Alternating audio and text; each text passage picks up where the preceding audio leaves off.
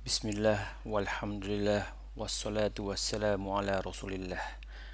Di antara jalan yang paling ampuh untuk dimudahkan menuju surga Allah adalah dengan menuntut ilmu agama. Bukankah dengan menuntut ilmu agama seseorang bisa mengetahui yang hak dan yang batil?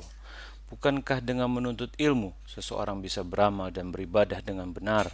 Apakah sama seorang yang berilmu dengan tidak berilmu di dalam Al-Quran Allah subhanahu wa ta'ala menyindir dengan sindiran yang keras dan pedas.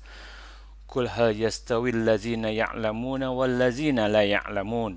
Katakanlah tidak mungkin disamakan antara orang-orang yang berilmu dan orang-orang yang tidak berilmu. Quran Surat Az-Zumar ayat 9 Bahkan pada ayat lain. Allah membuat sesuatu permisalan orang yang berilmu dengan tidak berilmu seperti orang yang bisa melihat dan orang yang buta. Maka tuntutlah ilmu wahai saudaraku. Ilmu itu sangat penting. Bagaimana engkau akan bisa beramal dengan baik dan benar tanpa didasari dengan ilmu? Tuntutlah ilmu. Tahukah kita bahwa di antara jalan yang paling mudah untuk masuk ke dalam surga adalah dengan menuntut ilmu.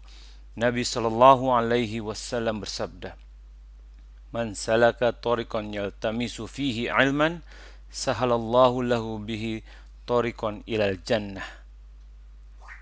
Siapa yang menempuh jalan untuk mencari ilmu, maka Allah akan mudahkan baginya jalan menuju surga. Hadis riwayat Muslim. Nah, Masya Allah banget bukan kalau kita menuntut ilmu? Ayo semangat. Ayo kita menuntut ilmu agama untuk bekal kita di hari akhir nanti insya Allah.